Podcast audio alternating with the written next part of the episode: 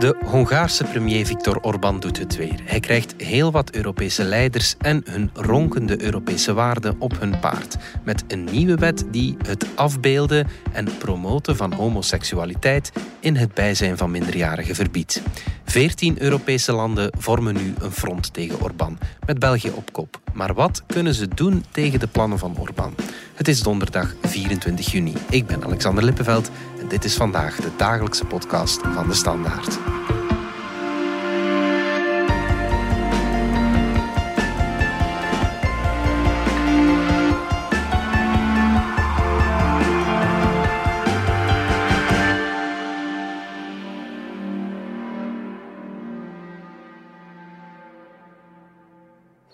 Kérdezem a tisztelt országgyűlést, elfogadja-e a T per 16365 per 19-es számú egységes javaslat minősített többséget igénylő rendelkezéseit? Kérem, szavazzanak! Roland Termoten van onze buitenlandredactie. We hoorden net de voorzitter van het Hongaarse parlement vertellen dat de nieuwe Hongaarse wet is goedgekeurd. Misschien moeten we eerst beginnen met helder te zeggen wat die nieuwe wet precies zegt. Wel, die nieuwe Hongaarse wet is uh, formeel gezien een uh, wet die beschermt, die kinderen beschermt mm -hmm. tegen pedofilie. En die pedofiele vergrijpen bestraft. Mm -hmm. Maar uh, in die wet zijn ook een aantal bepalingen en daar gaat het eigenlijk over gesmokkeld die het verboden maken om homoseksualiteit nog langer af te beelden of tussen aanhalingstekens te promoten, ja. zoals dat dan in uh, Hongarije heet, in het bijzijn van minderjarigen. Wat betekent dat concreet? Dat betekent dat bijvoorbeeld in de les seksuele voorlichting dat homoseksualiteit niet meer bespreekbaar is. Mm. Homoseksualiteit, maar bijvoorbeeld ook uh, geslachtsverandering, uh, transgender identiteit, dat wordt allemaal uit een boze daar. Ja. Het wordt ook bijvoorbeeld verboden om nog langer reclamespotjes uit te zenden waarin um, twee mannen elkaar kussen, zoals uh, Coca-Cola een tijd geleden nog deed mm. in Hongarije. Ja, waar uh, min 18-jarigen naar kunnen kijken. En ja, dat, soort, uh, dat soort inhoud wordt dan verbannen sowieso ook tot de late uurtjes. Tussen 10 uur s avonds en ik denk 5 of 6 uur s ochtends. Dus met andere woorden, homoseksualiteit wordt helemaal uit de samenleving gebannen. Dat, daar komt het op neer, toch? Ja, het is iets wat de mensen dan alleen nog zogezegd individueel mogen beleven. Maar ook dat valt nogal tegen, want uh, diezelfde partij van Orbán heeft ervoor gezorgd dat adoptie door homoparen uh, onmogelijk is. Mm. Dat uh, geslachtsverandering ook de facto onmogelijk gemaakt is. Dus ja, de dwingende boodschap is dat het iets is wat in principe nog wel mag, maar ja, zo weinig mogelijk en het wordt niet echt sociaal gedoogd. Mm-hmm. De partij van Orbán, Fidesz, die zegt zelf dat de, deze wet vooral gericht is tegen pedofilie.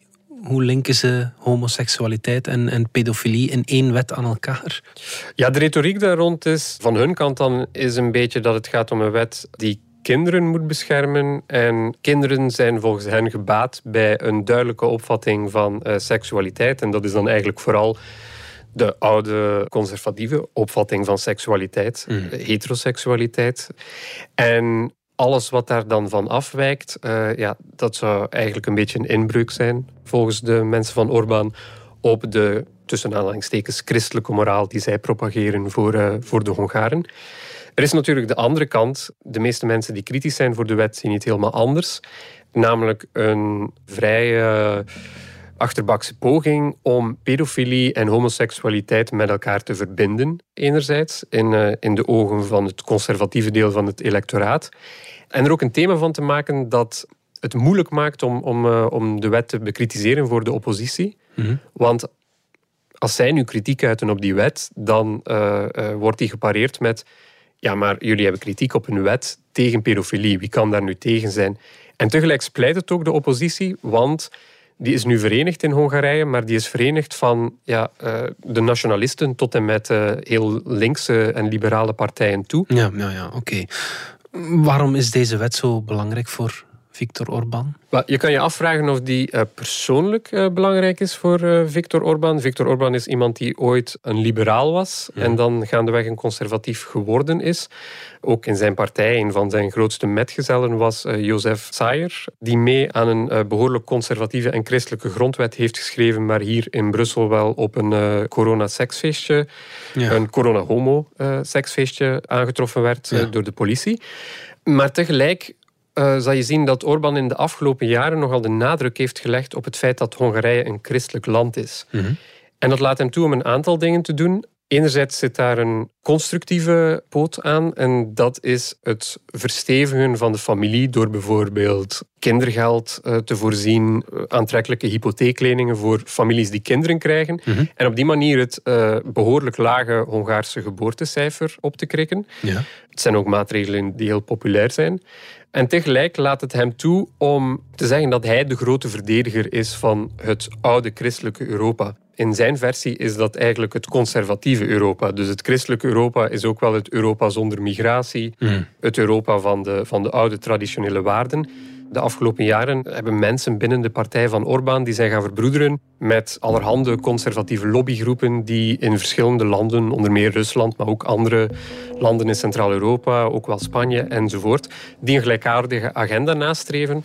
En dat geeft hen in ieder geval de mogelijkheid om te zeggen wij zijn deel van een bredere internationale beweging voor de verdediging van de oude normen en waarden. Je zei, hij was vroeger een liberaal is hij dan conservatief geworden omdat daar vooral de vele stemmen zitten in Hongarije? Uh, veel mensen die lang met Orbán opgetrokken zijn, zijn vroegere politieke spitsbroeders, zeggen dat hij um, inderdaad goed doorheeft, en meestal voor andere mensen dat doorhebben, waar het grote kiespubliek zit. Ja, ja, ja. Fidesz was ooit een partij voor zo'n beetje de burgerlijke middenklasse. Maar onder meer sinds de migratiecrisis, maar ook al een beetje daarvoor, zijn ze eigenlijk opgeschoven naar meer rechtspopulisme. Hmm. Dus aan de ene kant zorg ervoor dat dat provinciale electoraat uh, dat die zich goed bediend voelen. Uh, steun die ook met financiële maatregelen. En mensen zijn er echt blij mee. Maar voed ze ook met propaganda eigenlijk tegen migranten, uh, tegen NGO's, tegen de oppositie. Maar dus ook in dit geval tegen de LGBTI-gemeenschap. En dat werkt met dat deel van het electoraat. Ja. Ja, betekent dit dat alle Hongaren er heel conservatieve meningen op nahouden over homoseksualiteit bijvoorbeeld? Nee, dat is niet zo. In peilingen zie je bijvoorbeeld dat Hongarije progressiever is, of de gemiddelde Hongaar in ieder geval progressiever is dan de gemiddelde Kroaat of de gemiddelde Pool. Mhm. Maar er is ook een deel van de bevolking, enkele tientallen procenten, die behoorlijk wat geven om dit soort eh, thema's, die best conservatief zijn die zien dit graag komen. En dan is er een brede middellaag van mensen die niet zo bezig zijn met dit soort thema's. En die kan je op een andere manier bereiken. Dus die stoot je ook niet te hard voor het hoofd. Mm. En degene die je wel heel hard voor het hoofd stoot, dat zijn de mensen die nu met tienduizenden betogen in Budapest. Die stemmen al jaren niet meer voor Orbán en die zouden nooit een stem voor Orbán overwegen. We luisteren even naar wat de protesterende Hongaren. Minden bántalmazott gyerek, aki a homofób és transzfób gyűlölet miatt nem mer segítséget kérni, a gyűlöletkeltő javaslatot megszavazó képviselők miatt fog szenvedni. Hoe staat Orbán er vandaag voor in de peilingen? In zekere zin is het spannender dan ooit. Uh, het grote project voor de Hongaarse oppositie uh, van de afgelopen tien jaar is om een gemeenschappelijk front te vormen. Dat is herhaaldelijk ineengestort. En nu lijken ze dat front vooralsnog, maar het is nog vroeg, want de verkiezingen die komen eraan begin 2022. Mhm. Nu lijkt ze dat front vooralsnog toch samen te houden. Maar dat betekent dus dat ja, eigenlijk de hele oppositie verenigd is tegen de partij van Orbán. Aan de ene kant heb je zijn partij, aan de andere kant heb je het spectrum van links en liberaal en stedelijk tot uh, hyperrechts en platteland. Ja, dan moet je sterk staan als partij natuurlijk om, om daar tegenop te kunnen, ook al ben je, ben je de grootste. Ja. ja, het is, voor de eerste keer is het dus wel spannender, want in sommige peilingen zie je dat dus die complete oppositiecoalitie net iets zou leiden op de partij van uh, Orbán.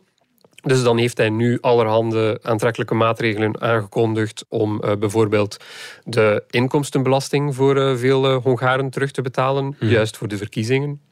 een, een welkom cadeautje. Ja. Tegelijk moet je ook zorgen dat de eigen hardcore achterban naar de stembus gaat en moet je de oppositie verdelen. En deze maatregel, deze LGBTI-wet, die slaagt daarin. En ja, dit is iets waar je een campagnethema van kan maken, waarmee je ook de tegenstanders de hele tijd om de oren kunt slaan, want zij zijn degene die dit allemaal wel toelaten, of ze zijn hierover verdeeld, ze mhm. weten niet wat ze willen. Straks komt de reactie vanuit uh, Brussel, vanuit de EU, en dan kan je weer zeggen, ah kijk, Brussel probeert Hongarije weer te vertellen hoe, ja, hoe wij hier moeten leven. Ja, ja. Dus dat is iets wat eerder gebeurd is rond uh, thema's als migratie. Dat is een beetje weggestorven. Nu komt er een nieuw thema op. Maar hoe dan ook, het is wel wraakroepend om het zo te zeggen dat die de mensenrechten van een bepaalde bevolkingsgroep gebruikt als, ja, als campagnemiddel. Hè. Leeft dat in Hongarije, die discussie daarover? Ja, maar ze is heel uh, gepolariseerd. We hebben in de afgelopen ehm, dagen ook wel gezien dat er tienduizenden mensen op straat zijn gegaan mhm. in uh, Hongarije. Nu, er zijn tienduizenden mensen ook op straat gegaan toen Orbán eigenlijk een universiteit het land uitpestte, de Central European University. Er zijn tienduizenden mensen op straat gegaan tegen andere maatregelen, ook tegen uh, maatregelen die de media inperken. Maar dat is dus dat deel van de samenleving in Hongarije. Die wonen vaak in Budapest, uh, wat, een, wat een vrij liberale stad is. En daartegenover heb je een ander soort electoraat. En dat zijn de mensen die vooral de, ja, de regeringsgezinde uh, media raadplegen. En die zijn volledig onder controle van het uh, pro-Orban-kamp. En dat zijn ook de mensen die met dit soort maatregelen bereikt worden. En net zoals in de VS of in Polen zie je dat die mensen vaak veel minder met elkaar nog praten over politiek. Dat zijn twee gescheiden kampen. We zijn terug na de reclame.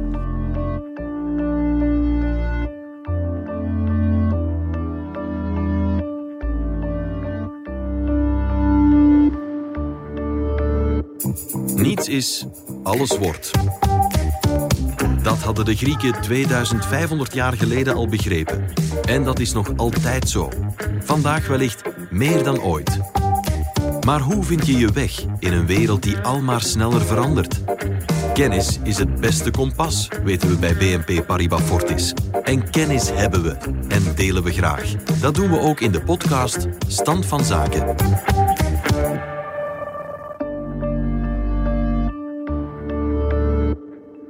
Laat het zeer duidelijk zijn. In de Europese Unie is er geen plaats voor homohaat en geen plaats voor discriminatie van LGBTQI. Holibierechten zijn mensenrechten. En laat dat de basis zijn. De Europese Unie is geen cashmachine waarvan je kan zeggen: ik ga het geld afhalen en de regels daar wil ik mij absoluut niet aan houden. Als wij willen dat Europa kan functioneren, als wij willen dat Europa die waarden reflecteert die de onze zijn, dan moet je een mechanisme hebben om te kunnen raken waar het pijn doet. En raken waar het pijn doet, dat is bij de financiële stromen. En dus een conditionaliteit ten opzichte van het respecteren van onze uh, kernwaarden. Zo'n mechanisme moeten wij hebben. En we hopen natuurlijk dat dat zo snel mogelijk in voegen kan getreden worden. Dat was onze premier Alexander De Croo in de Kamer. Intussen laten heel wat Europese leiders van zich horen. Roland, je klinkt even wat anders, want we doen even een nieuwe opname op afstand. De Europese leiders pikken het niet meer. Hè? Ja, absoluut. Veertien Europese lidstaten hebben gisteren een verklaring uitgebracht waarin ze de, de Hongaarse wet ten zeerste veroordelen. Uh, ze spreken over een stigmatiserende wet die discrimineert, die ook de vrijheid van meningsuiting aantast, uh, net als de grondrechten van uh, ja, de, de LGBTI-gemeenschap. Dus ehm, ja, dat, dat, is, uh, dat is vrij stevige taal. Interessant is ook dat België en, en dan iets beter de, de Benelux-landen daar een voortrekkersrol in genomen hebben. Hoeft aan zich uh, niet te verbazen. We hebben een liberale premier en een kabinet met groen, met uh, de socialisten, ook, ook wel de CD&V natuurlijk, maar dus wel een, een progressieve regering. En ja. um, tegelijk is het wel zo, België is meestal een vrij compromisgericht land in Europa. Hier nemen ze duidelijk een voortrekkersrol en dat geeft ook wel politiek profiel op dit thema. Ja, ja, ja oké. Het zijn veertien landen van de Europese Unie uh, die, die, die een vuist maken, zeg maar, tegen die nieuwe wet. 14 van de 27 sta mij toe om te zeggen, Roland, dat, dat is ja, net iets meer dan de helft. Dat is, dat is niet veel, hè? Moeten we daarin teleurgesteld zijn in die andere ja, 12 dan, uh, die buiten Hongarije gerekend? Wel, velen die zich uh, eerder aan de kant van de 14 scharen, zijn daar inderdaad over teleurgesteld. Het is ook opvallend als je op een kaart kijkt. Wat je eigenlijk ziet, is dat ja, de 14, dat is een gordel die van Italië en Spanje via West-Europa tot in Scandinavië en dan tot in de Baltische staten loopt. Mhm. Ja, dus dat is eigenlijk een beetje een noordelijke plus uh, westelijke alliantie. Ja. Vaak van ja, de, de meer uh, liberaal uh, gezinde regeringen. Dus daar zie je in zekere zin toch een waardenkloof, op zijn minst tussen de regeringen van ja, West-Europese en Noord-Europese landen en dan de Midden-Europese landen eigenlijk ja, eerder de, de bondgenoten uh, in sommige gevallen, in ieder geval, van Polen en, uh, en Hongarije. En legt dat iets, iets bloot, die waardenkloof? Of gaat het echt om ja, gewoon politiek-strategische redenen waarom die, die dertien anderen niet meedoen? Het is beiden. Ik denk dat zeker als, als het gaat over eh, thema's als LGBTI-rechten, heerst er een iets conservatievere uh, sfeer, uh, zeker bijvoorbeeld in Midden-Europa. Zorgt er ook voor dat activisme tegen LGBTI-rechten daar ook sterker verspreid is, of dat dat nog steeds als een vruchtbare grond gezien wordt. Voor bewegingen die zich inzetten tegen LGBTI-rechten. Het is dan ook moeilijker voor sommige regeringen intern om uh, daarover te beginnen, want het is vaak een splijtend thema ook in hun landen. Daar heb je ook een conservatieve vleugel die nog steeds sterk is, versus een progressieve vleugel. Dan zijn er natuurlijk landen als Hongarije en Polen zelf. En zijn er landen die eigenlijk misschien wel willen meestemmen, maar die ook afwegen of ze eerder uh, de banden met de, met de buurlanden uh, intact willen houden. En ook ja, denken, ja, wie weet word ik straks om een of andere reden ook aangesproken door, uh, door een coalitie van landen mm. over een waardenkwestie. En daarom vermijden ze dat misschien. Ja. Uh, maar het kan zijn dat er zich nog landen aansluiten. Dat is ook niet uitgesloten natuurlijk. Commissievoorzitter Ursula von der Leyen was alvast heel erg scherp voor de Hongaarse wet. The Hungarian bill is a shame. I strongly believe in a European Union that is clear that where you, where you are who you want to be. And I strongly believe in a European Union where you are free to love whom you want. And I believe in a European Union that embraces diversity. This is the foundation of our values. So I will use all the powers of the Commission to ensure that the rights of all EU citizens are guaranteed, whoever you are and wherever you live. Roland, is het ook meer dan een vingerwijzing van Europa? Ja, het is, het stevig. De, de, taal die gebruikt wordt is vrij opmerkelijk in het diplomatieke debat. Gewoon een, een heel duidelijke veroordeling uh, van lidstaten aan andere lidstaten. Een vrij breed uh, front waar ook ja, echte zwaargewichten in de Europese Unie, zoals Duitsland en Frankrijk, toe behoren. En het zegt ook duidelijk wat er moet gebeuren, namelijk de Europese Commissie die moet uh, Hongarije voor het Europese Hof uh, halen. Dat kan ja. gevolgen hebben voor, voor Hongarije als dat gebeurt. Dat kan in ieder geval gevolgen hebben voor uh, Hongarije en, en meer specifiek voor deze wet. Mm. Zo'n procedure voor het Hof die duurt al gauw toch anderhalf jaar, soms wel eens twee jaar, kan ook langer. Mm -hmm. Maar goed, die wet blijft er, dus dan zou de bedoeling zijn dat die wel degelijk ingetrokken wordt op die manier. Tegelijk kan je zeggen, ja, dan is deze wet ingetrokken. Maar deze wet maakt misschien ook deel uit van een verkiezingscampagne die in 2022 alweer voorbij is. Met het bredere probleem uh, van ja, het afkalven van de democratie, van de rechtsstaat, het inpalmen van rechtbanken enzovoort. En het wegsterven van de vrije media. In landen als Hongarije, ja, daarmee blijven we nog steeds worstelen, uh, zowel lidstaten als Europa sommige mensen opperen om gewoon simpelweg de Europese geldstroom naar Hongarije stop te zetten, om ja, nog meer druk te zetten. Ligt dat in het arsenaal dat nu gebruikt wordt? Dat ligt zeker in het arsenaal. Onze premier Alexander De Croo uh, pleit daar ook heel mm. duidelijk voor. Uh, die zegt je moet in raken waar het pijn doet. Dat zijn de mm. geldstromen. En ja, de Europese Unie die wil dat nu eigenlijk ook doen. En daar bestaat al een mechanisme voor. Maar dat mechanisme is nog ja, inactief, omdat de commissie uh, nog moet interpreteren hoe dat ingezet wordt. Ja, de reden daarvoor is dat verschillende lidstaten voor zijn, maar andere lidstaten tegenpushen.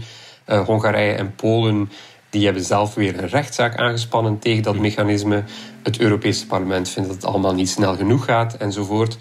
Dus zitten we nog steeds vast eigenlijk in een, in een impasse en zitten we nog niet op het punt waar dat geld echt uh, stopgezet wordt als we inbreuken op de rechtsstaat vaststellen. Dus ja, de vraag is nog steeds hoe sterk dat allemaal uh, zal zijn. Ja, ja, ja. Is deze Europese reactie, Roland, is dat een kantelpunt? Um, of het een kantelpunt is, valt nog te bezien. Dat hangt er ook vanaf of het, of het uh, hierbij blijft, bij dit initiatief. En het volgende uh, controversiële manoeuvre van Orbán dan weer minder aandacht krijgt. Anderzijds is het wel zo dat je ziet dat uh, Orbán zich toch wel uh, meer gemarginaliseerd heeft, gezien vanuit het centrum van de Europese Unie dan. En dat er een grotere bereidheid is bij regeringen van andere lidstaten om, om hem de maat te nemen daarover. En België is daar duidelijk een voortrekker in. Oké, goed. Roland Permoten, dankjewel. Dit was vandaag de dagelijkse podcast van de Standaard. Bedankt voor het luisteren. Reageren kan via podcast.standaard.be. Alle credits vind je op standaard.be-podcast. Morgen zijn we opnieuw.